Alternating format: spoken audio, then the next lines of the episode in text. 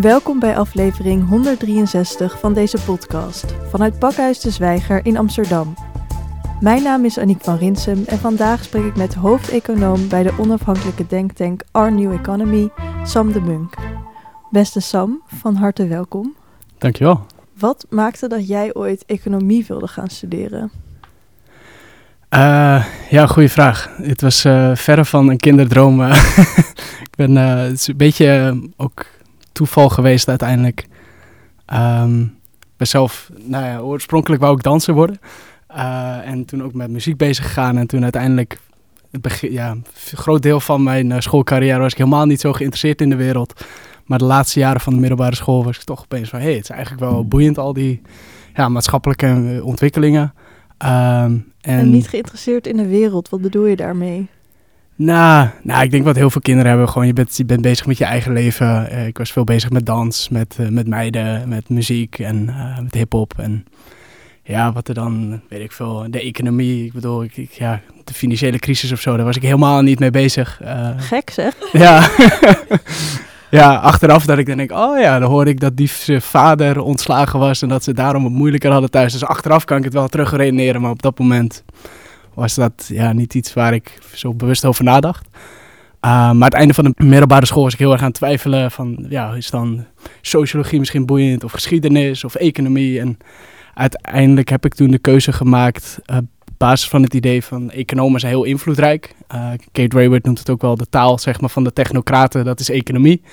en een beetje vanuit die gedachte dacht ik, ja, als ik daar ook iets wil bijdragen aan de wereld, dan moet ik blijkbaar een econoom zijn, want die, die hebben heel veel invloed. Uh, maar tegelijkertijd geen idee wat het nou echt betekende. Maar wist de Sam die toen uh, economie als ja, studie koos al dat de taal van de macht economie was, omdat de taal van de macht de technocratenmacht is? Wist hij dat toen al? Dat voelde je aan misschien? Ja, een beetje wel, ja. Een beetje, maar het is ook denk ik in, in zeg maar, als je de vergelijking met de geschiedenis en sociologie als opleidingen gaat maken, dan, ja, dan hoef, je, hoef je niet heel veel te snappen van hoe de beleidsmaker werkt, zeg maar, om te zien van, oh ja, economen hebben daar allerlei rollen in, weet ik veel. Bij de centrale bank zijn ze de baas en bij het IMF zijn ze de baas en dan sociologen en historici, ja, die hebben nog toch niet zulke grote beleidsinstituten waar ze helemaal de baas zijn. Dus ik wist daar heel veel niet vanaf. Maar een grof idee van, oh, economen zijn invloedrijk en die andere groepen wat minder. Dat, dat is wat ja, bij me binnenkwam. Wel interessant, want het is ook, ook een beetje een taboe om dat zo expliciet te benoemen. Ja. Was dat iets wat jij toen als jonge student wel een soort van zei van dit is waarom ik economie heb gekozen, omdat ik meer macht wil? Uh, vast niet zo expliciet. Uh, maar op zich, ik denk dat ik ook niet heel geheim, geheim over was of zo. Dat wel, uh, ja, wel met vrienden en familie en zo wel vrij open over. Dat ik heel lang twijfelde en uiteindelijk allemaal interessant. Maar deze, ja, kun je inderdaad meer macht mee waarschijnlijk om de ja, impact te hebben op de wereld. Um, maar wat ik precies daarbij wilde gaan doen en zo was ook allemaal compleet vaag. Ik, ik geen idee eigenlijk. Wat doen economen wist ik eigenlijk ook niet echt. Maar ja. maar goed, daar kwam, daar kwam je toen achter. En toen dacht je ook van deze wetenschapspraktijk en deze uh, vorm van hoe we economie geleerd krijgen, dat kan eigenlijk ook wel anders. En je raakte onder andere betrokken bij Rethinking Economics. Dat zijn een groep studenten die dus nadenken over hoe dat dan uh, anders kan. En hoe kwam je erachter dat het anders, wat jou betreft, anders kan en misschien ook wel anders moet? Mm ja. ja, voor mij was het uh, dus de zomer dat ik zeg maar afgestudeerd was. En ik had eerst HAVO gedaan trouwens, daarna VWO. Dus ik, ik verveelde me ook gewoon oprecht een beetje. Want ja, ik had dan een enorm lange zomervakantie. En dan twee jaar later weer een enorm lange zomervakantie. Ik dacht, nou oké, ga ik maar vast een beetje inlezen. Ik word econoom, geen idee wat dat betekent. Ik koop maar een boekje geschiedenis van het economisch denken. Ik dacht, nou, ik vond geschiedenis ook interessant. Dus ik dacht, nou, het zal vast leuk zijn. Uh, en dat was voor mij een enorme eye-opener. Dat ik ja, de hele geschiedenis van alle debatten van Hayek en Keynes en Marx en Adam Smith en Friedman. En ik al die, ja, gewoon hoe de economie, maar ook dat denken daarover, zeg maar, door de hele geschiedenis, door allerlei discussies is ontwikkeld. Uh, onwijs gefascineerd dacht ik, oké, nou, ik heb toch een goede keuze gemaakt. ik vind dit boeiend. Um, en toen kwam ik in, ja, gewoon in september mocht je naar de collegezalen zaal ook met 500 man. Uh, dus echt massaal. En dan was het, jongens, we gaan eerst wiskunde doen. En dan daarna bij het inhoudelijke vak micro-economie gingen we eigenlijk weer wiskunde doen. Uh, allemaal om het evenwicht te berekenen. Nou, alle standaard dingen. Jij denkt, waar zijn al die interessante debatten waar ik bezig was? ja, ja, ik zit, hè, waar, waar, is, ja, waar, waar, waar, zijn de ideeën? Waar, is, waar zijn de debatten? Waar is de wereld zelf? Ja, we hebben al hier mooie modellen, maar uh, wat er allemaal gaande was tijdens de eurocrisis bijvoorbeeld, ja, was toch heel ver weg. Um, dus toen, ja, ik zoiets van, hè, ik heb net het boekje gelezen, dus dit is wel economie, maar in het klaslokaal is economie toch heel iets anders. Ehm, en ik volgde ook een paar vakken sociologie. Ik dacht, ja, ik, heb eigenlijk wel voor economie gekozen, maar sociologie leek me ook heel boeiend. En daar moesten we wel Adam Smith, Karl Marx, mochten we gewoon lezen. Dus ik dacht, hè, het kan wel. Het is niet alsof dit gewoon, wat vaak ook gezegd wordt in debatten, van ja, je moet eerst de basis leren en daarna pas dan kun je dat soort moeilijkere dingen snappen. Dus, hè, maar bij sociologie konden we dat wel vanaf dag één doen. Dus dat voelde voor mij als meteen als een slap argument. Ik denk, nou, dat hoeft helemaal niet pas later. Ehm, en toen, ja, een beetje zo ben ik verder gaan zoeken naar ideeën. Uh, maar tijdens mijn eerste studiejaar, eigenlijk al mijn klasgenoten waarbij ik, ja, waarbij ik dit soort dingen wou bespreken, die had hem al heel snel af van, ja, Sam, wat weet jij nou? De professor weet het toch beter dan jij? En uh, ik ben hier om gewoon mijn diploma te halen. Ik wil, ik wil feesten en ik wil gewoon goede, goed geld verdienen. Dus ik heb die diploma nodig, maar verder boeit me allemaal helemaal geen bal. Uh, dus ik voelde me het eerste jaar best wel heel alleen. Uh, gewoon heel gefrustreerd in mijn eentje lezen en online dingen zoeken en, en ruzie maken met docenten in de pauze. En eigenlijk ja, gewoon een beetje in mijn eentje als een soort rebelletje tijdens ja, mijn, eerste jaar van mijn opleiding. En eind van, van het eerste jaar kwam ik erachter dat er dus inderdaad die studenten, internationale studentenbeweging was. Met ook een Nederlandse groep. Uh, dus toen ben ik daar in juni heen gegaan. Echt aan het einde van, van mijn eerste studiejaar. En dat was ja, voor mij echt warm thuiskomen. En ik dacht, oh, ik ben niet de enige, zeg maar binnen Nederland in ieder geval, die dit vindt. Uh, en, en sindsdien ja, is het ook, dat is denk ik ook binnen de bredere activismebewegingen, zeg maar vaak natuurlijk een ding van als je het in je eentje doet, dan, dan brand je heel snel op.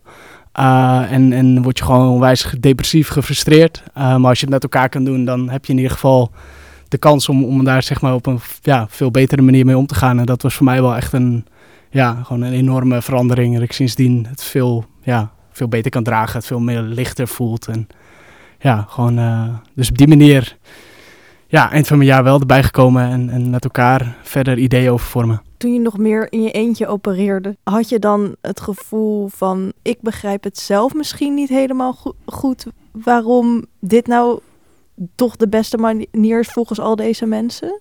Ja, ja, heel veel. Heel veel. Ja, zeker, zeker. Dus dat is, ja, en dat is ook, ook terecht, denk ik. Want ja, ik was ook eerstejaars student, wat wist ik nou? Um, dus het was voor mij heel erg uh, niet zozeer mijn eigen ideeën ja, daar, die, in twijfel trekken, maar meer die ideeën die ik ook las. Uh, want het was niet zozeer dat ik zelf bedacht van dit is allemaal onzin, maar het is, ik, las bij sociologie las ik andere boeken. Bij, nou ja, gewoon die, in mijn zomer las ik al geschiedenis het economisch denken. Toen las ik nog heel veel ja, anders denkende economen. En dan tegelijkertijd wat kreeg ik gepresenteerd in de economielessen. Uh, en dus voor mij was het telkens een beetje het vergelijken van... Hè, maar snappen sociologen er dan helemaal geen bal van? En, en zijn al die economen uit de geschiedenis dan allemaal achterhaald? Of klopt er misschien toch niet iets met ja, wat nu zeg maar de consensus is binnen de economische discipline? Um, ja, want wat ook interessant is, is dat er um, een beetje een beweging wel naar bijvoorbeeld meer behavioral gedragseconomie is, is gegaan. Dus ja. uh, waarin de meer klassieke economie um, mensen echt een beetje als een, een, een rationele machine worden, worden behandeld, is in de gedragseconomie wel ruimte voor wetenschappelijk onderzoek naar hoe menselijk gedrag nou echt werkt. Maar waar, waar er geen ruimte voor is, is een soort van um, meer normatieve hm. debat, als ik het goed heb begrepen. Um, dus waar, wat maakt, denk jij, dat die gedragseconomie dan wel nog kan, maar die meer sociologische, filosofische um, benadering, hm. dat dat daar echt een beetje op neer wordt gekeken, ook door sommige ja. economen? Ja, uh, ik zou zeggen expliciet normatief. Uh, want ik denk dat eigenlijk heel veel van de standaard economische theorie is ook normatief. En, en als, je, als je een beetje doorvraagt aan een goede econoom, ook al is hij heel mainstream en traditioneel, zal hij dat ook, ook toegeven. Um, maar ja, ik denk het verschil zit denk ik in een paar dingen. Ik denk dat uh, waarom ook, ook de laatste versie van gedragseconomie, want er zijn ook oudere versies van gedragseconomie die helemaal niet zo breed verspreid zijn geraakt. En Herbert Simon voor, bijvoorbeeld, een hele bekende uh, denker, onder andere economen, ook heel veel andere disciplines waar hij een grote rol in heeft gespeeld. Um, maar die had heel veel gedragsideeën die niet zo makkelijk binnen uh, de standaard, ja, wat dan vaak inderdaad neoclassieke economie wordt, wordt genoemd, past daar niet zo makkelijk bij. Terwijl, terwijl latere gedragseconomen die waren heel erg eigenlijk zoeken naar uitzonderingen op het standaardmodel. Uh, die dan ook binnen dezelfde modellen te vatten zijn. Dus het is heel incrementeel, een kleine veranderingen hier, dit model een klein beetje tweaken. Dan kunnen we bijvoorbeeld dat mensen uh, verlies eigenlijk vaak erger vinden dan iets positiefs. Nou, dan kun je er een klein beetje mooi in je model je curves net op aanpassen. Uh, en op die manier blijft het heel wiskundig, blijft het ook wel heel binnen een vrij individualistische raamwerk. En, en kan je dat ja, een beetje makkelijk, of tenminste makkelijk, kun je daar langzaamaan aan tweaken. Um, maar het blijft inderdaad heel erg op het empirische, uh, wat op zich heel goed is. Maar de discussie over wat moeten de doelen zijn, uh, die, die breken ze minder open. Alhoewel hier en daar zijn er wel wat, wat gedragseconomen die dat ook doen. Uh, toevallig een paar weken geleden ook een mooie discussie bij een bijeenkomst van, van de economenfaculteiten van Nederland. Ook met Bas Jacobs in de pauze. Die, ja, het is altijd mooi. Een hele passievolle uh, discussies met Bas Jacobs. Die kan, die kan nooit heel stil en rustig. maar er was een mooie discussie over precies dit vraagstuk van... Ja, de standaard wat wordt genoemd welvaartstheorie. Dat, eigenlijk ook de opleidingen, daar schrok ik toen de tijd ook heel erg van. Dat de eerste les, economie, was jongens, je hebt positieve en normatieve economie. Positieve is pure wetenschap, dat is gewoon echt ja, de wetten van hoe de economie werkt gaan we laten zien. En dan doen we gewoon puur objectief wetenschappelijk onderzoek en beschrijven we de wereld. Uh, normatieve economie, dat is voor filosofen, voor politici, dat is smerige bende waar je vanaf moet blijven. Uh, dat gaat inderdaad over vragen van hoe zou het moeten zijn. En de volgende slide ging over de perfecte markt, die als basis voor de hele opleiding en alle modellen werkt waar wordt verondersteld dat dat optimaal is en dat we dat altijd moeten nastreven. Dat ik dacht, hé, maar wacht even. Hoe kan de kern van wat jij, jullie noemen positieve economie zoiets normatief zijn? Um, en dat, nou ja, er is heel veel, heel veel geschiedenis, heel veel debat over. Dus ik met Bas Jacobs flink debat over van, nou ja, moeten we daar nou aan vasthouden of niet? Um, maar ik denk dat het al heel, heel wat is om het te erkennen inderdaad. En, en ook publiek, dat ik denk, ja, kiezen we ervoor om te veronderstellen dat uh, ja, onze nut maximaliseren via markten, dat dat het hoogste doel is dat we hebben als samenleving. Of dat we bijvoorbeeld zeggen, de, eh, de uh, Sustainable Development Goals stellen we als uitgangspunt en dan gaan we daarnaar streven. Maar wat maakt nou dat deze, wat dus gezien wordt als positieve economie, um, zo, zo goed werkt om heel veel hele intelligente mensen te doen geloven dat dat niet normatief is? Um, ja, ik denk dat er zowel inhoudelijke redenen zijn als meer, zeg maar, weet ik veel, ja, institutioneel, sociologisch, psychologisch, hoe je het wil noemen.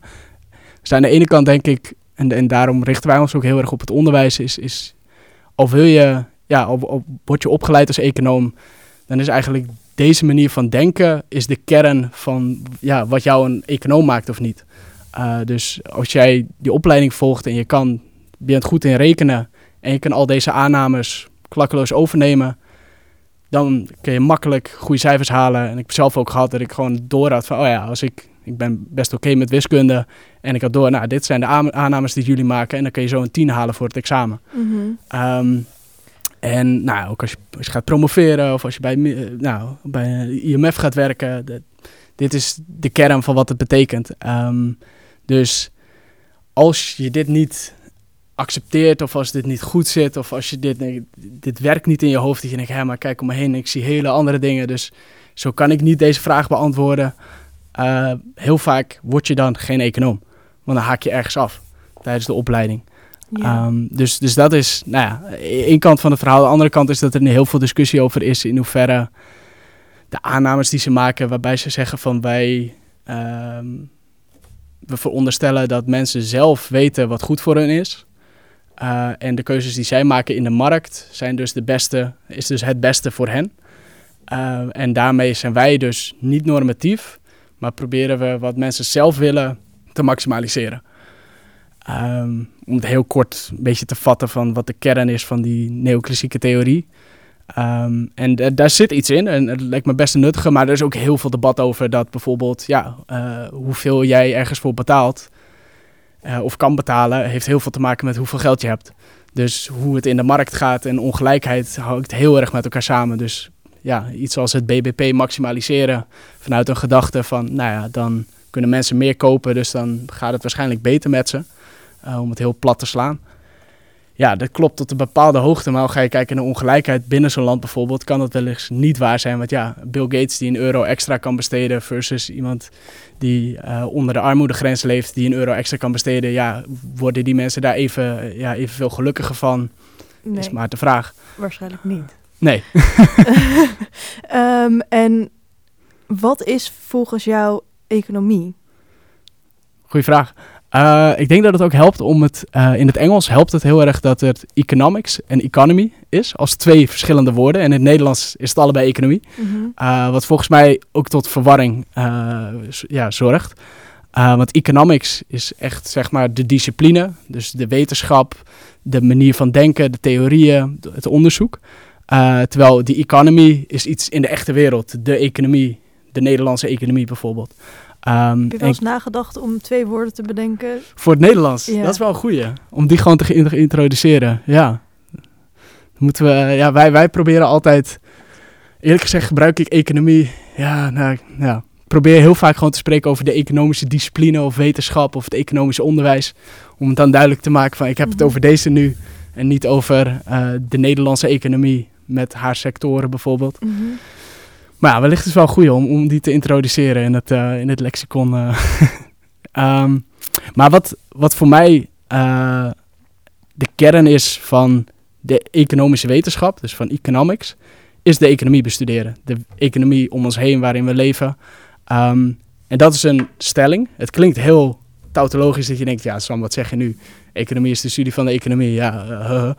Um, maar dit is een hele discussie die wij voeren met heel veel economen die zeggen van nee, uh, wij zien de economische wetenschap niet als gaande over het onderwerp de Nederlandse economie, maar als uh, hoe maak je keuzes en hoe doe je dat zo slim mogelijk. Ja. Uh, waardoor er dus ook economen zijn die bijvoorbeeld heel veel invloed hebben. Ik heb tijdens mijn stage bijvoorbeeld meegemaakt op hoe het onderwijssysteem in Nederland eruit moet zien, of hoe de gezondheidssysteem eruit moet zien, of hoe allerlei persoonlijke keuzes die mensen maken, hoe je die kan verklaren met de economische wetenschap. en de economie in de echte wereld gaat, uh, wat, wat daar een standaard definitie is, is eigenlijk ja, de materiële voorziening. Of eigenlijk het voorzien van ons leven en het verhogen van de kwaliteit daarvan. Dus hoe produceren we dingen met elkaar? En produceren is spulletjes maken, maar het is natuurlijk ook gewoon de kapper die bijvoorbeeld de haren knipt. Uh, en hoe verdelen we ja, de middelen die we hebben? En hoe, uh, ja, hoe consumeren of hoe nemen we die ons toe, toe tot ons? Uh, en een belangrijke toevoeging daaraan van de afgelopen decennia is natuurlijk ook de ecologische aspecten. Want het is niet dat mensen dit in een ja, soort geïsoleerde plek doen. Dit doen we doen dit op een aarde. Dus heel veel van de gewoon materiële voorzieningen, de energie, de grondstoffen uh, die we gebruiken, die zijn cruciaal. En vervolgens ook wat doen we met ons afval. Uh, dus, dus die toevoeging daaraan is denk ik ook echt cruciaal. Er is het de, zijn er mensen die um, dus de discipline economie beoefenen en doen die niet twee dingen. Namelijk ten eerste dus um, proberen te begrijpen hoe de economie werkt, maar ook daarnaast um, modellen creëren. Uh, dus eigenlijk een soort ontwerpersrol hebben. Z hmm. Zou je niet kunnen zeggen dat die ook dat economen ook een ontwerpersrol kunnen hebben en hebben? Ja, ja, zeker. Ja, ja op dat eerste het verbaast me altijd hoe weinig uh, economen echt bezig zijn met het begrijpen hoe de economie in elkaar zit. Het klinkt heel bizar, um, maar ook bijvoorbeeld een van, eh, een van de dingen waarvan wij dachten van ja, dit zou in elke opleiding moeten zitten, is namelijk hoe ziet de Nederlandse economie er nou uit? Hoe werkt die nou? Gewoon een vak over nou, de Nederlandse economie, met dus de Sociaal-Economische Raad bijvoorbeeld.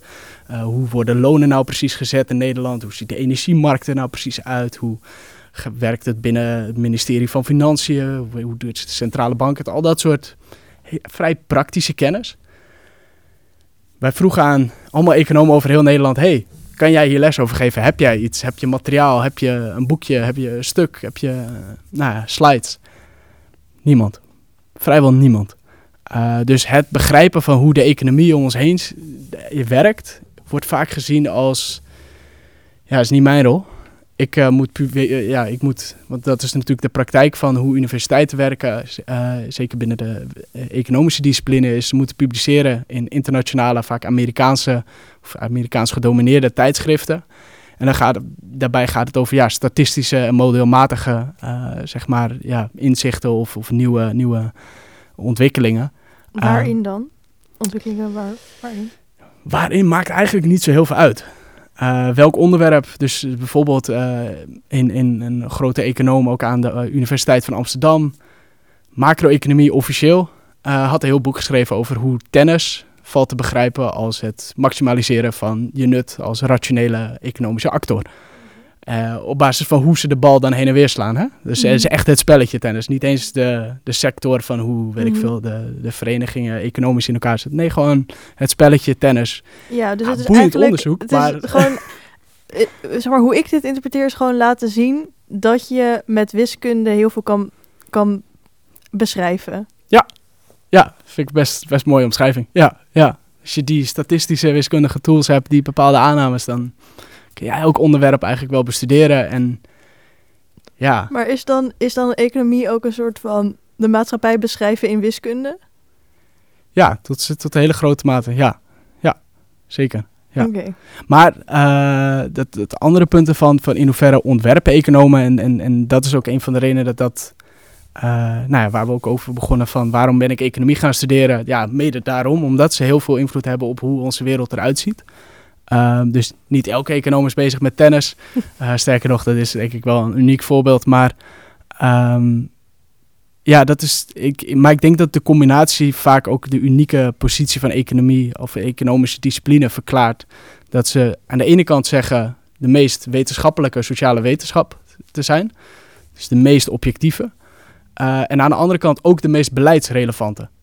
Dus we zijn uh, je zeg maar, het meest objectief vertellen wat jij moet doen als beleidsmaker.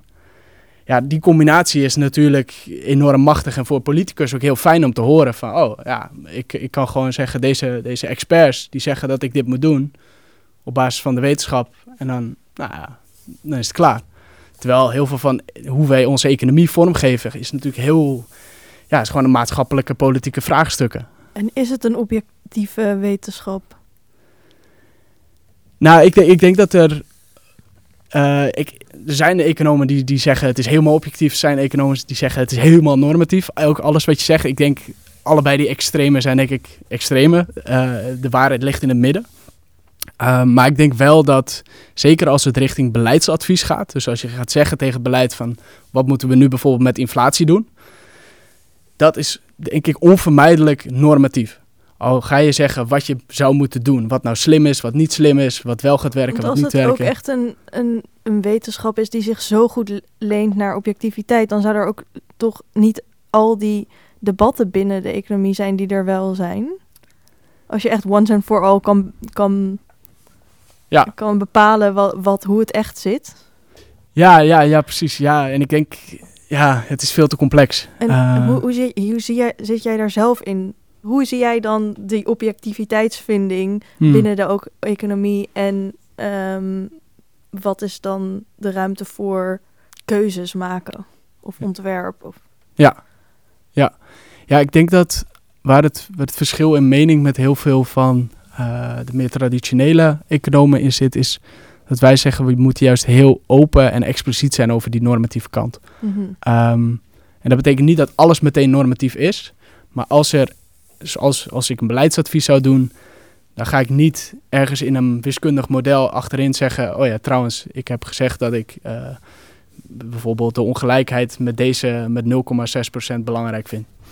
Uh, dat, dat is vaak hoe het nu, als je naar de CPB-modellen bijvoorbeeld gaat kijken, het wordt in heel veel wiskundige dingen een beetje moeilijk weggestopt. En een goed econoom kan ze dan wel eruit halen en vissen van, oh ja, hier hebben ze aannames gemaakt over wat belangrijk is. Mm maar ik denk dat we daar juist heel expliciet en heel open over moeten zijn. En ook verschillende waardeoordelen uh, naast elkaar moeten kunnen zetten. Dus in plaats van het proberen te berekenen wat optimaal is. En dat te zeggen, ik heb het uitgerekend jongens, ik heb het opgelost. Juist te zeggen, wat zijn nou morele dilemma's?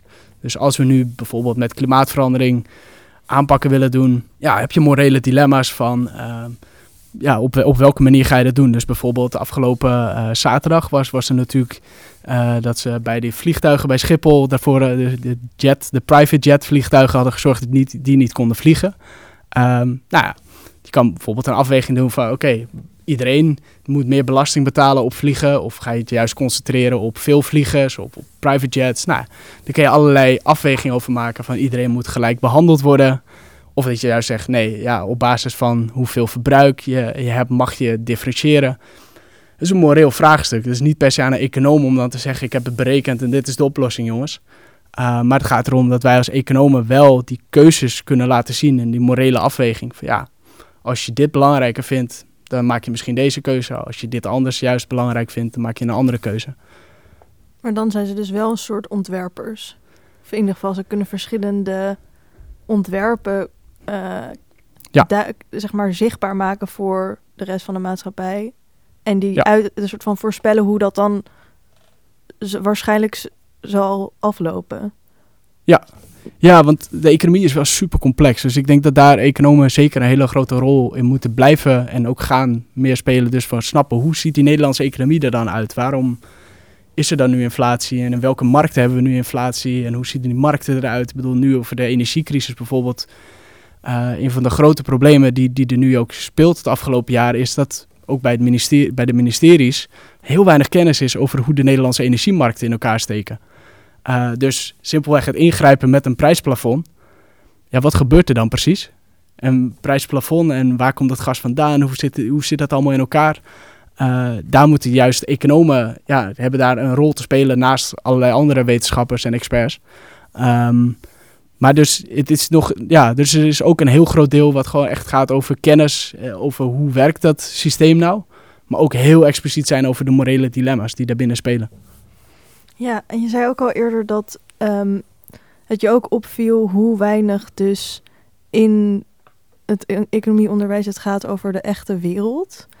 Um, wat, wat mist er dan? Ja, je kan, je kan cum laude afstuderen en, en nooit van de SER hebben gehoord. En nooit een beleidsmaker hebben gesproken. En ja, heel veel wiskundige modelletjes door kunnen rekenen. Ehm, maar geen idee hebben bijvoorbeeld, als we het hebben over de Nederlandse economie, wat is dan de grootste sector? En, en wat zijn nou de belangrijkste instituten die vormgeven hoe het werkt in ons land? Hoe werkt het nou eigenlijk met mijn eigen hypotheek? Heel veel dingen. Ja, Sam, hoe werkt geld eigenlijk? Uh, heel veel dingen die, waarvan je denkt van ja, dat is dat typisch wat een econoom dan weet. En ook gewoon op, ik veel, op een verjaardag vraagt dan ook iemand aan mij, hey, Sam, Sam, jij studeert economie toch? Ja, ja, ja. Wat is geld nou Sam? Daar heb ik nooit les over gehad. Ja, het is dat ik zelf als een gek ben gaan lezen en, en dan hoop ik dat ik een, een beetje semi-goed antwoord kan geven. Maar, um, maar heel veel van dit soort onderwerpen van je denkt, dat is toch basis? Zou toch iedereen een beetje gevoel voor moeten krijgen als je econoom bent? Dat onmist vaak. Uh, dat mist vaak. Maar nou, in, in Leiden zijn ze bijvoorbeeld nu wel heel erg uh, hiermee bezig. Dus er komt ook een nieuwe bachelor die, die ook in Nederlandstalig is en juist heel erg zich richt ook op de, beleids, uh, ja, de beleidsinstituties van Nederland. Dus, dus er is wel een ontwikkeling gaande dat er dus, ja, economen komen die, die denken van, oh ja, dit, dit is toch wel handig als, als de economen die vervolgens beslissingen gaan maken hier ook een idee hebben hoe het hier werkt. Uh, Maar dat is helaas nog wel een minderheid. Oké, en momenteel ben jij hoofdeconoom bij de onafhankelijke denktank Our New, Our New Economy. Um, en als we dus even naar de echte wereld brengen, wat doe jij dan? Ja, wij, wij zijn op het moment heel veel bezig dus met economieonderwijs uh, vernieuwen. Uh, volgende week hebben we toevallig ook een, een grote week van het economieonderwijs waar de verschillende lagen ook bij samenkomen. Dus we hebben bijvoorbeeld één project dat zich richt op, op middelbare scholen. Daar ontwikkelen we lespakketjes, lesbrieven uh, voor docenten die ja, ervoor openstaan om, om andere dingen ook aan de aandacht, uh, onder de aandacht te brengen. Uh, een ander project richt zich juist op de HBO's. en dat vind ik zelf is voor mij wat nieuwer, maar het is heel boeiend. Vandaar is het eigenlijk meer wat daar economie wordt genoemd, is eigenlijk ook op de universiteit wordt dat vaak bedrijfskunde, management, marketing, accounting genoemd. dus dat is voor ons inhoudelijk weer een vernieuwende, ja, vernieuwd gebied, maar daar gaan de ontwikkelingen best wel snel. Dus het veld is daar enorm bezig met eigenlijk naar duurzaamheid ontwikkelen. Omdat ze zien dat binnen het bedrijfsleven, binnen de echte wereld, is dit gewoon een enorme vraag. Dus heel veel bedrijven die, die geven dit zelf ook aan. we hebben ook toevallig net een enquête gedaan onder, onder de zeg maar, bedrijven in de praktijk. Van wat vinden jullie nou dat afgestudeerden moeten hebben? En die, die geven heel erg aan van ja, weet je, die cijfers die ze halen voor een, een technisch vak uh, is ook wel, ook wel belangrijk. Maar nog belangrijker vinden wij dat ze snappen hoe je met duurzaamheid om moet gaan. Want we zien dat ons bedrijfsmodel daar nu tegenaan loopt. Um, dus dat is heel boeiend om te zien binnen het HBO en binnen de universiteiten gaat de verandering wat trager. Uh, en dan is het toch wat meer vechten, omdat ja, er toch wordt voornamelijk gekeken naar die wetenschappelijke tijdschriften. Van, ja, als, daar niks verandert, dan hoeven wij ook niet te veranderen, ook al staat de wereld in brand. Um, en, nou ja, maar er zijn ook mooie ontwikkelingen. Dus in Leiden bijvoorbeeld met een nieuwe opleiding. Of in, uh, bij de Vrije Universiteit in Amsterdam komt ook een nieuwe bacheloropleiding. Dus uh, daar zijn wij heel erg aan het ja, pushen met workshops. Ook lespakketjes ontwikkelen. En heel veel, ja, een beetje herrie schoppen, zeg maar. Om te kijken of, uh, of we het in beweging kunnen krijgen. En hoe schop je dan herrie? Ja, um, nou binnen de Nederlandse context wat toen ik bij uh, Rethinking Economics kwam, uh, in, in ja, zeg maar de einde van mijn eerste jaar tijdens mijn studie, had ik meteen het idee samen met, uh, met een aantal andere rethinkers, zoals Joris, Maarten en Francis voornamelijk, om eigenlijk onderzoek te doen naar hoe ziet het onderwijs er nu uit. Uh, omdat er heel veel discussie was met meerdere argumenten van ja, mijn persoonlijke les was niet, was, was niet goed of daar ontbrak dit. En dat een professor dan zegt of een hoogleraar van ja, maar dit doe ik wel. Dus het is dus jouw verhaal, dat is allemaal anekdotisch bewijs, dat is niet relevant. En dan dacht ik, nou, economen houden van getallen. Dan gaan wij het even statistisch onderzoeken. Uh, dus toen heb ik mijn hele eerste, zeg maar, de zomer van... Die hele zomer op de hoe heet het, bibliotheek uh, gezeten met Excel-sheetjes ingevuld van wat wordt er nou behandeld in elk vak van alle opleidingen in Nederland. en daar ja, daarmee statistieken naar voren gebracht, waaronder bijvoorbeeld dat 86% van alle economievakken binnen Nederland uh, zijn binnen de neoclassieke theorie. 86%? Uh, 86%. En de tweede gedragseconomie, waar we het over hadden, 4%. Dus dat is ook echt niet veel. Uh, nee. en ik kan me voorstellen dat het sindsdien ietsje is toegenomen. Ja. Uh, maar dat laat wel echt zien van hoe dominant die, ja, een bepaalde manier van denken is. En dat zelfs iets dat opkomt als gedragseconomie echt nog heel piepklein is. En die andere 10%? Uh, 2%, 1% voor een paar andere scholen. Dus bijvoorbeeld over ecologische economie of over complexiteitseconomie of post-Keynesiaanse economie. Maar dat Hier is en daar een vakje. Ja. Um, en driekwart van de vakken bijvoorbeeld wordt de echte wereld, komt niet aan bod. Uh, dus bij een maar kwart hoe, van de, hoe definieer je dan de echte wereld in die Heel breed. Uh, dus we hebben echt heel breed gekeken van wordt er iets over een bepaalde, bijvoorbeeld een, een, bepaalde sector. Weet ik veel, hoe zit de haven van Rotterdam in elkaar? Als er iets over een sector aan bod komt, dan zit het al niet bij die driekwart procent. Uh, iets over de economische geschiedenis. Van hoe is bijvoorbeeld de Nederlandse economie ontstaan? Wanneer zijn we geïndustrialiseerd? Om iets te noemen. Of uh, economische instituties. Dus bijvoorbeeld hoe werkt het ministerie van Sociale Zaken? Wat doen ze nou eigenlijk binnen de Nederlandse economie? Nou, allerlei verschillende opties of grote problemen van hoe ziet het er nu uit? Uh, op dat moment dat we het onderzoek deden was, was corona en de inflatie was er allemaal nog niet. Maar bijvoorbeeld hoe, ziet het er, hoe gaat het, staat het ervoor met klimaatverandering? En daar gewoon wat ja, kennis over, gewoon praktische feitelijke kennis over hoe de wereld. Al die dingen in één grote bak gestopt. En in een kwart van de vakken kwam dat, of 12% kwam dat een beetje aan bod, 12% best wel wat. En dan nog 1% echt dat het hele vak erover ging. Ja, heel veel wiskunde, heel veel theorie, maar heel weinig echte wereld. En wat is daar, um, jammer aan? Of waarom, is het, waarom willen jullie dat anders? Um, het is wel een mooie uh, metafoor, die, die, of tenminste metafoor quote van, uh, ik weet niet meer precies wie het is, maar uh, waarbij ze zeggen van als je, dat je op een gegeven moment de kaart kan zien als de realiteit. Dus bijvoorbeeld een kaart van, van Amsterdam is best, best nuttig, weet ik veel, de metrokaart als ik van de ene kant naar de andere kant moet en dat is nuttig. Maar als ik op een gegeven moment ga denken dat die kaart echt is hoe Amsterdam er in de praktijk uitziet, ja, dan mis ik een hoop en dan ben ik echt best wel blind geworden voor een hoop dingen. En dat is eigenlijk waar wij bang voor zijn. Dat als je zo in bepaalde theorieën en modellen zit, dat je altijd denkt van ja, maar dit is de vraagcurve en dit is de aanbodcurve. Dus uh, de energiemarkt werkt gewoon met simpele vraag- en aanbodcurve. Ja, als je werkelijk naar die sector had gekeken, hoe dat is ontwikkeld, bijvoorbeeld hoe de gas uiteindelijk is geïmplementeerd met heel veel overheidssturing. Uh, met zelfs officieel propaganda. Dat die term werd gebruikt om gas te promoten. Zodat uh, mensen werkelijk ja, gas in huis gingen nemen. En niet meer met kool gingen stoken. Nou, om maar iets te noemen. Dat ze een hele praktische kennis had. Dan wist je dat heel veel van die simplistische aannames. over hoe markten in theorie vaak misschien werken. Ja, misschien nu hier in deze markt waar jij nu mee bezig was. niet opgingen. Uh, dus om, ja, om, om praktisch goed werk af te kunnen leveren met ongeacht welke doelen dat zijn. Dus of je nou bij een ministerie of bij een bedrijf of voor een politieke partij werkt en, en welke politieke kleur dat dan ook heeft. Je wil gewoon dat economen die economie in de praktijk goed kennen, zodat ze goed advies kunnen geven over ja, hoe, hoe werkt het nou, wat is nou, uh, hoe kan dat nou uitpakken. En welke realiteiten staan er tegenwoordig dus nog niet op de kaart van de um, economische economics, zeg maar. Ja, ja, ja precies. um, ja, heel veel van het onderwijs gaat over markten. Um, maar heel veel van de economie zit niet in markten.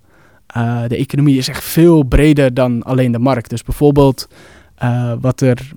Uh, wat ik bijvoorbeeld vanochtend... ik was bij mijn vriendin en ik had een ontbijtje gemaakt voor ons tweeën. Ik heb niet haar gevraagd om te betalen voor dat ontbijtje. Nee. ik weet niet of ik nog steeds vriendinnen had als ik dat wel had gedaan. Um, maar dat betekent niet dat er geen economische activiteiten heeft plaatsgevonden. Want ja, als ik naar een, een van de restaurantje was gegaan om te gaan ontbijten, dan was er praktisch hetzelfde gebeurd, zeg maar fysiek. Of tenminste, ik kan het waarschijnlijk niet zo goed als zij. Um, maar dan had ik me wel moeten betalen. En dan zit het opeens wel in heel veel van die theorieën. Uh, dus bijvoorbeeld het nut maximaliseren via de markt, wordt die meegeteld. Gebeurt het buiten de markt om, door bijvoorbeeld ik vanochtend, dan valt het er buiten.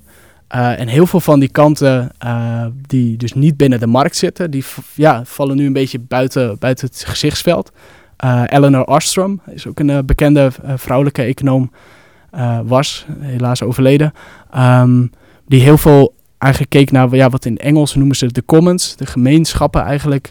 De, ja, de goederen of, of de economische activiteiten die worden georganiseerd door een gemeenschap zonder dat er dus bedrijven of markten of ook niet de staat. Maar dat uh, bijvoorbeeld in, in het verleden was, was dit ook in Nederland heel gebruikelijk dat heel veel land gewoon werd beheerd door de lokale bevolking. Met wel regels en wel coördinatie. En daar deed zij heel veel onderzoek naar van hoe en, uh, wordt bijvoorbeeld ook water. Hoe, hoe wordt, je, wordt dat nou op een goede manier beheerd door een gemeenschap en wanneer kan het fout gaan? En in de standaard theorie, die ook vaak nog wordt onderwezen, ook in heel veel vakken, uh, binnen de economische opleidingen wordt gezegd van ja, dat werkt niet. Want iedereen is egoïstisch, iedereen gaat voor zichzelf. Dus ja, dan worden die gewoon binnen een no time wordt het gewoon leeggeharkt of de hele bos wordt omgekapt. Uh, dus je hebt de staat nodig die ingrijpt of je moet het privatiseren via de markt en, en, dan komt het goed. Terwijl haar onderzoek laat zien van dat is, hoeft helemaal niet. Je kan ook met een gemeenschap het gezamenlijk op een, op een veel betere, op, een hele goede manier onderhouden. Dus bijvoorbeeld ook voor het klimaatvraagstuk uh, op dit moment zijn er heel veel relevante inzichten van hoe kunnen we heel veel natuurlijke uh, ja, gebieden eigenlijk op een andere manier onderhouden, juist met de gemeenschap, met de lokale gemeenschap. Uh, en dat zijn dingen waar economen dan ja, zich niet, heel weinig op richten, met haar als uitzondering die dat, die dat wel heeft gedaan. Zouden alle dingen in de wereld in een economisch model uh, moeten worden beschreven om zo'n eerlijk, goed werkend mogelijk model te hebben? Of zijn er ook bepaalde dingen die daar buiten moeten blijven? Uh, Ja, ik denk, ik denk sowieso één, alles in één model, dat, dat, dat, dat gaat niet werken. Die, die wordt dan veel te groot natuurlijk. Ehm, maar ik denk zelf ook dat economen niet een al te grote broek moeten aantrekken uh, ten opzichte van welke onderwerpen uh, ze, ze kunnen claimen. Bijvoorbeeld tijdens, ik uh, heb stage gelopen ook bij het ministerie van Financiën. en heel veel van mijn stage ging over waar het onderwijsbeleid heen moest. Het laat al iets zien van, ik ging stage lopen bij Financiën en toen gingen we praten over wat er op het ministerie van Onderwijs eigenlijk besloten zou moeten worden. en, en heel veel van de experts die gevraagd waren, waren, waren economen. En nou, dat is één, voorbeeld, maar het gebeurt heel vaak dat ik denk, waarom vinden we economen, waarom geven we hun dan zo'n grote positie? Terwijl, waar waren de, de, de onderwijskundigen, de sociologen, de psychologen, allerlei andere sociale wetenschappers die, die ook heel veel kennis hebben, dat we die dan uh, wat belangrijker mogen maken. Dus ook binnen Nederland bijvoorbeeld het Centraal Planbureau, de economenplanbureau zeg maar heeft vaak veel meer invloed op, op beleid dan bijvoorbeeld het planbureau voor de leefomgeving of het sociaal-cultureel planbureau. Dus daar denk ik dat uh, economen moeten we zich denk ik wel meer bewust worden en, en bezighouden met bijvoorbeeld meer ecologische vraagstukken of meer sociale vraagstukken. Uh, maar tegelijkertijd moet, moeten ze denk ik ook ja, soms een stapje terugnemen en juist meer aandacht voor andere experts die, die heel veel andere kennis kunnen inbrengen. Of, of kunnen, kunnen, ze, kunnen jullie op een gegeven moment al die kennis gewoon incorporeren? Nee, denk ik niet. Ik, ik denk niet dat een econoom zomaar alle kennis van, van andere disciplines kan snappen en in een model kan stoppen. Ik denk dat, we, dat, dat de economen dan te arrogant zouden zijn als ze beweren dat zomaar te kunnen. Dat zijn ze sowieso. um, ja, uh, Laura de Geest, uh, van Geest moet ik het goed zeggen. Uh, de, ook oud CPB-directeur en nu van de AVM. Uh, die, die gaf bij datzelfde evenement als met Bas Jacobs ook, ook een, een, presentatie waarin ze dit letterlijk zei. Dat economen vaak te arrogant zijn. Uh, en dat komt ook uit heel veel andere onderzoek. dat, dat economen zichzelf echt superieur vinden en, en plaatsen boven andere disciplines. en het zelf doen is één ding. Maar dat anderen dat ook van je accepteren, is denk ik ook nog een heel groot probleem. Dus, dus ik denk, en dan dubbele komen we oproep. ook weer terug naar waarom jij economie hebt gekozen als studie. Omdat ja. dat aanzien er wel gewoon is. Ja, ja precies. Dus het is ook een hele, hele paradoxale positie. Dat ik zeg, ik ben econoom, luister minder naar economen. En als je dan doet, dan heb je geluisterd naar econoom. Nou. ja, maar je wilde ooit danser worden. Ja, ja. Wordt, dansen erkend uh, door economen? Wordt dat in kaart gebracht, de, de waarde van, van dans in onze maatschappij? Poeh. Uh, heel beperkt ben ik bang. Um, ja, door economen, ja, zeg maar natuurlijk de, heel veel van de economische statistieken gaan over dus de markten en de transacties en het geld. En ik kan je vertellen, er gaat niet zoveel geld rond in in de dans. uh, mijn inkomen nu, zeg maar, is, is zeker beter dan wat ik uh, had verdiend, zeg maar, als, als dat ik danser was geworden. Vind je dat terecht? Nee, nee, nee. Ik, ik, ook niet per se nu een enorm pleidooi houden dat, dat dansers uh, rijk moeten worden en, en, en enorm veel beter moeten verdienen, hoor. Ik denk dat ehm, zeker tijdens de coronacrisis denk ik dat het heel erg duidelijk werd, uh, ook, ook, de term van essentiële beroepen. Van wat is nou eigenlijk echt super belangrijk. En vinden we dat allemaal van ja, dat moet echt doorgaan. Uh, dat gewoon een lijst ervan. En natuurlijk kan je een beetje discussie over hebben van wat moet nou wel precies in die categorie of niet. Maar ik denk best een brede consensus ook wereldwijd over wat is nou echt essentieel en wat valt daar buiten. Uh, ik denk eerlijk gezegd dat dansers niet per se de meest essentiële beroepsgroepen zijn. Maar wat je wel ziet is dat heel veel van de beroepen en, en, mensen die werken binnen die essentiële beroepen echt onderbetaald zijn. Uh, dus bijvoorbeeld binnen het onderwijs of binnen de zorg. We hebben enorme tekorten aan mensen daar. Uh, de werkdruk is enorm hoog. Nou, dan heb je allerlei discussies over hoeveel administratie en bureaucratie er is. Maar de hele simpele economische oplossing van als je te weinig mensen ergens hebt, ze ook gewoon meer gaan betalen, zodat ze nou, de economische afweging ook wat anders wordt, die wordt heel vaak niet gemaakt. Want is het, ja, maar ja, we moeten uh, wel zo efficiënt mogelijk en we willen groei maximaliseren. Dus ik denk dat, ik denk dat op heel veel van die plekken, um, ja, dan, is een econoom is veel betaald, maar zijn ook nog niet de aller, allerbest betaalde, zeg maar, in, in, in onze, onze samenleving. Ik denk dat je, uh, nou ja, dit is natuurlijk de bullshit jobs, ook van, uh, van David Graeber, bekend concept. Um, economen kwamen ook uit de enquête als wel een van de categorieën die zichzelf vaak niet zo nuttig vinden.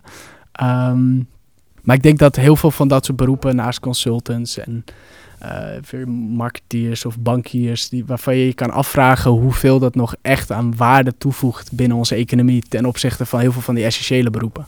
Maar als het dus zo is dat um, beroepsgroepen waar er dus te weinig van zijn, niet meer betaald krijgen, um, laat dat dan zien dat hoe de economie vandaag de dag werkt, dus inderdaad misschien normatiever is dan we denken. En ook hm.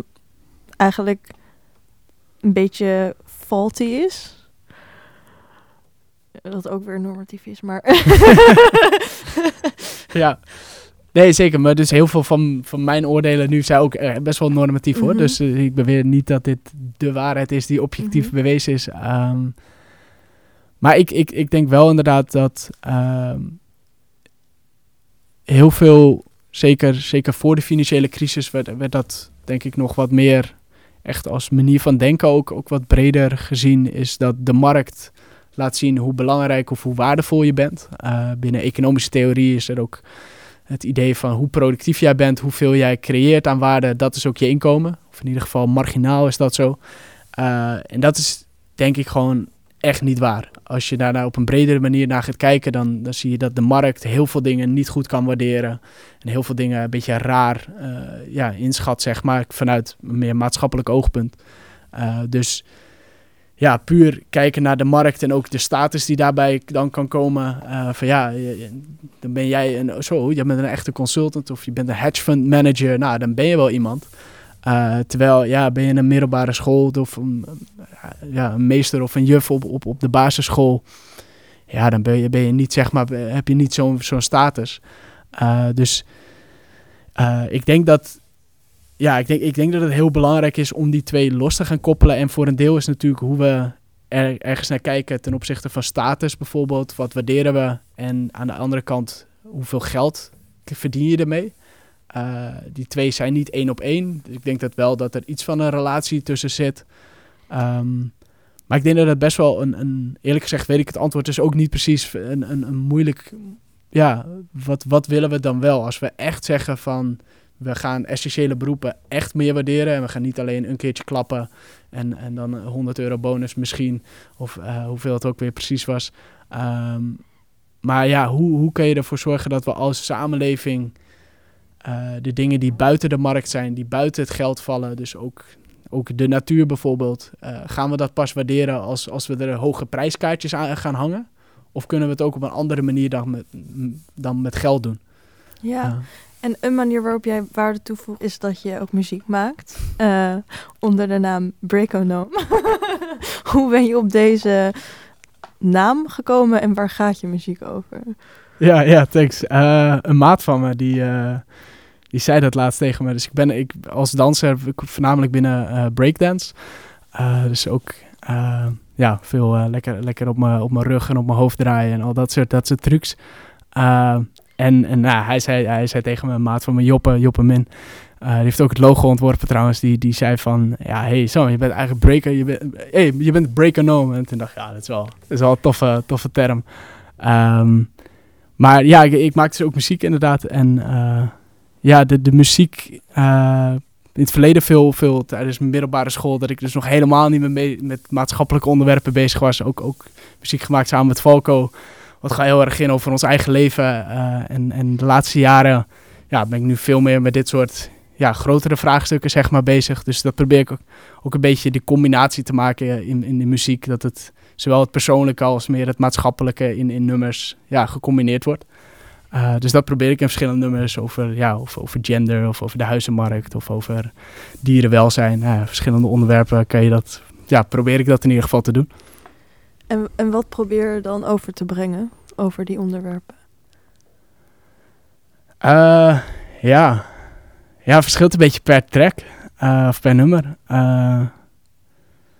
ik denk dat voor mezelf is het soms ook een beetje een ehm, dat ik de activist in mij probeer een beetje eh, te onderdrukken. Of nou, onderdrukken klinkt wel heel heftig, maar dat ik die... Aan de ene kant uh, heb ik soms best activistische insteken. Dat ik denk, met dit nummer wil ik dit activistische punt overbrengen. Maar aan de andere kant denk ik van ja, uh, muziek moet, moet ook een waarde op zichzelf hebben. En niet alleen een soort maatschappelijk doeleinde hebben, zeg maar, vanuit een meer economisch perspectief inderdaad. dus dat is soms een beetje de, de artiest en de econoom in mij die dan een soort strijd voeren met, met, ja, met die nummers schrijven van wat is belangrijk, is, is, is de emotie en, en gewoon het feit dat het een goed nummer is, dat qua kunst zeg maar. Uh, versus ja, wil je bepaalde inhoudelijke punten echt overbrengen op die manier en nou, hoe, hoe je dat kan samen laten gaan. Helpt dit doen jou ook om dan je activisme weer mee, meer mee te nemen in je praktijk als econoom zijn? Of je dagelijkse hmm. econoom zijn? Ja, ja, ik denk het wel. Uh, wat voor mij muziek heel veel doet, dans deed dat ook wel, uh, is gewoon echt ja, wat meer met mijn emoties en met, gewoon met jezelf zeg maar connecten. En echt, ja, gewoon wat ik vaak doe qua schrijven. En ik vind, schrijven eigenlijk misschien wel het leukste van, van het hele proces. Gewoon de muziek, de beats aanzetten.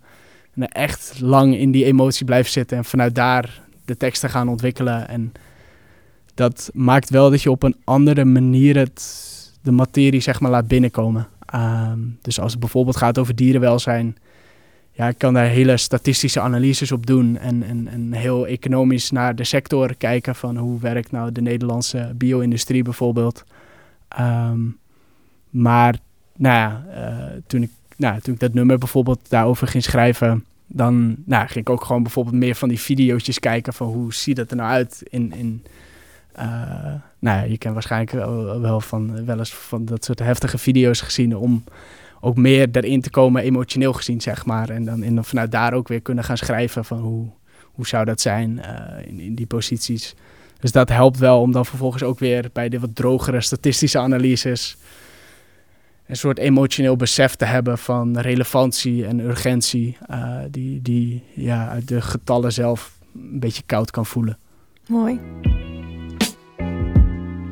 Stel je voor, je hebt niks fout gedaan, maar wordt erop gesloten. Het recht is niet met jou begaan, of je loskomt is om hopen. Je bent over, geleverd aan de boven. Vanwege je soort ben je gekozen. Hoe kon je dit lot ooit ontlopen? Nu ben je enkele nummer, zonder toekomst. Je kan de hel en brullen totdat je mond kapot moe wordt. Je voelt dat het niet goed komt. Terwijl het einde van de lopende band naar je toe komt. Je gaat naar poep stinken en uitglijden. Het bloed is op de dweilen. Moeders en kinderen worden gescheiden. Beter slijpt hij ze bijlen. Al doet hij het voor die efficiëntere tijden. Laat het als medelijden lijken. Je bent in een ongelofelijke medogeloze machine beland. En vraagt iedere dag af: Pap, mam, hoe zal het zijn na de dood? Nou, dan word je gekookt zo. Wow. Ja, eet smakelijk wappie. Ah, vanavond eten we flappy. Maar dan opgesloten met z'n matties. En gemarteld tot een extra lekker happy. Yeah, ja, eet smakelijk wappie. Ah, vanavond eten we flappy. Um, u bent ook medeoprichter en breakdance-leraar bij Damn Fresh Crew. Uh, hoe kwam je erop om dat op te richten? Uh, ja, uh, was niet zozeer een, een idee van de een op de andere dag. Mijn, uh, mijn oppas, die breakdanste. Uh, dus echt toen ik zes jaar was, toen altijd als de oppas langs kwam, Johan Sandbergen. dan ja, waren we, joh, leer, hoe, hoe sta je op je hoofd dan? Laat, laat zien. En hoe, dat ene trucje, kan je die nog een keertje voordoen? dus ja, vanaf jongs af aan al zeg maar, met breakdance bezig gegaan. En eind van de basisschool uh, samen met Falco, waarmee ik dus ook muziek maak, uh, hadden besloten van, hé, hey, laten we zelf ook les gaan geven. Want er waren nog meer jongens in de wijk die ook wel breakdance wouden leren. Dus uh, vroegen we, nou, voor 1 euro geven, we, geven we je les hier eerst in de woonkamer en uiteindelijk een zaaltje gehuurd. en nou ja, toen ook heel snel zomerkamp organiseren, wedstrijden, shows en dat is eigenlijk een heel groot deel zeg maar, van mijn jeugd. Is, is, ben ik daarmee bezig geweest. Dus dat is ja, meer een ontwikkeling dan een hele bewuste keuze van ik, ik ga dit oprichten. Uh, maar wel op een gegeven moment de keuze gemaakt. Uh, Falco, dit is nu zijn fulltime baan. Uh, dus dat vind ik super gaaf om te zien dat er nu heel veel, echt ja, een paar honderden kids die, die elke week komen trainen, die naar wedstrijden gaan en tot de beste van Nederland behoren, zeg maar. Terwijl ik zelf heb dat niveau nooit behaald. Ik ben helemaal niet zo goed geworden, uh, maar ik vind het super gaaf dat onze leerlingen dat nu wel zijn. Uh, en ik geef, elke zondag geef ik nog steeds les, dus dat, dat helpt mij ook altijd om, om ja, best wel een oude lul te voelen. En dan denk ik, oh, in Economenland ben ik echt een jonge hond. Maar dan kom Ja. ik bij de berekeningsles en dan, eh, Sam, je zit niet eens op TikTok. En, eh, ja, oh, shit. Ehm, maar ja, vind ik ja, onwij- onwijs leuk om, om, om bij betrokken te blijven en, en te zien hoe de, gewoon, ja, de breakdance cultuur, eh, voornamelijk in Noord-Holland, ja, daar, daar- spelen wij nu best wel een grote rol in. Dus dat, dat vind ik super gaaf om eh, nog steeds te doen. Tot slot, is verandering mogelijk in de economie en daarbuiten? Ja, nee, zeker weten. De wereld verandert non-stop. Eh, een economie die stilstaat is volgens mij niet mogelijk. Eh, dus verandering is er sowieso. Het is denk ik voornamelijk de vraag... eh, op welke manier kan je die verandering op een positieve manier beïnvloeden? Eh, en ik denk dat daar ook we vaak onderschatten hoeveel, ja, hoeveel invloed je kan hebben. Dus ik heb zelf bijvoorbeeld de afgelopen jaren ook... dat ik er zelf meerdere keren gewoon verbaasd over was... hoe makkelijk het is om bijvoorbeeld politici te bereiken. En dan gewoon echt een gesprek aan te kunnen gaan. Dus gewoon het contacten van hey, uh, en dat kan lokaal natuurlijk, maar en, en hoe, ja, hoe hoger je de ladder in klimt. Ik bedoel, uh, het is niet alsof ik zomaar bij Rutte of, of jij zomaar bij Rutte op bezoek kan, maar een Tweede Kamerlid, nou, dat, dat is al best wel te doen. Als je zegt van ja, ik, ik vind dit onderwerp onwijs belangrijk, ik wil dat daar iets verandert, dat het beter wordt. Probeer het gewoon. Uh, en en dat, dat is ja, iets wat ik ook gewoon de afgelopen jaren steeds meer comfortabel mee ben geworden. Dat ik in de eerste instantie ook heel onzeker en heel beetje prille pogingjes. En dat ik nu best wel denk van ja, ik, uh, ik ga gewoon een mailtje sturen. Ik kijk wel of uh, ik, probeer ze op te bellen en ik kijk wel of het lukt of niet. En heel, heel vaak lukt het niet. Maar ja, als het, als het al in 10% van de gevallen wel lukt, dan heb je heel veel kansen wel gepakt. Dus dat, is, dat probeer ik ook altijd binnen de studentenbeweging tegen iedereen te zeggen van ah joh, ga gewoon naar je professor. Ga een goed gesprek aan. Uh, en, en ga kijken of, of je, of je, ja, of, of je iets, iets kan veranderen. Heel veel dank voor je komst, Sam de Munk. Dankjewel. Beste luisteraars, dit was aflevering 163 van de podcastserie van Pakhuis de Zwijger. Wil je meer weten? Kom dan naar ons programma Onderwijs voor de Nieuwe Economie op maandag 14 november om 8 uur in Pakhuis de Zwijger. Bedankt voor het luisteren en tot de volgende keer.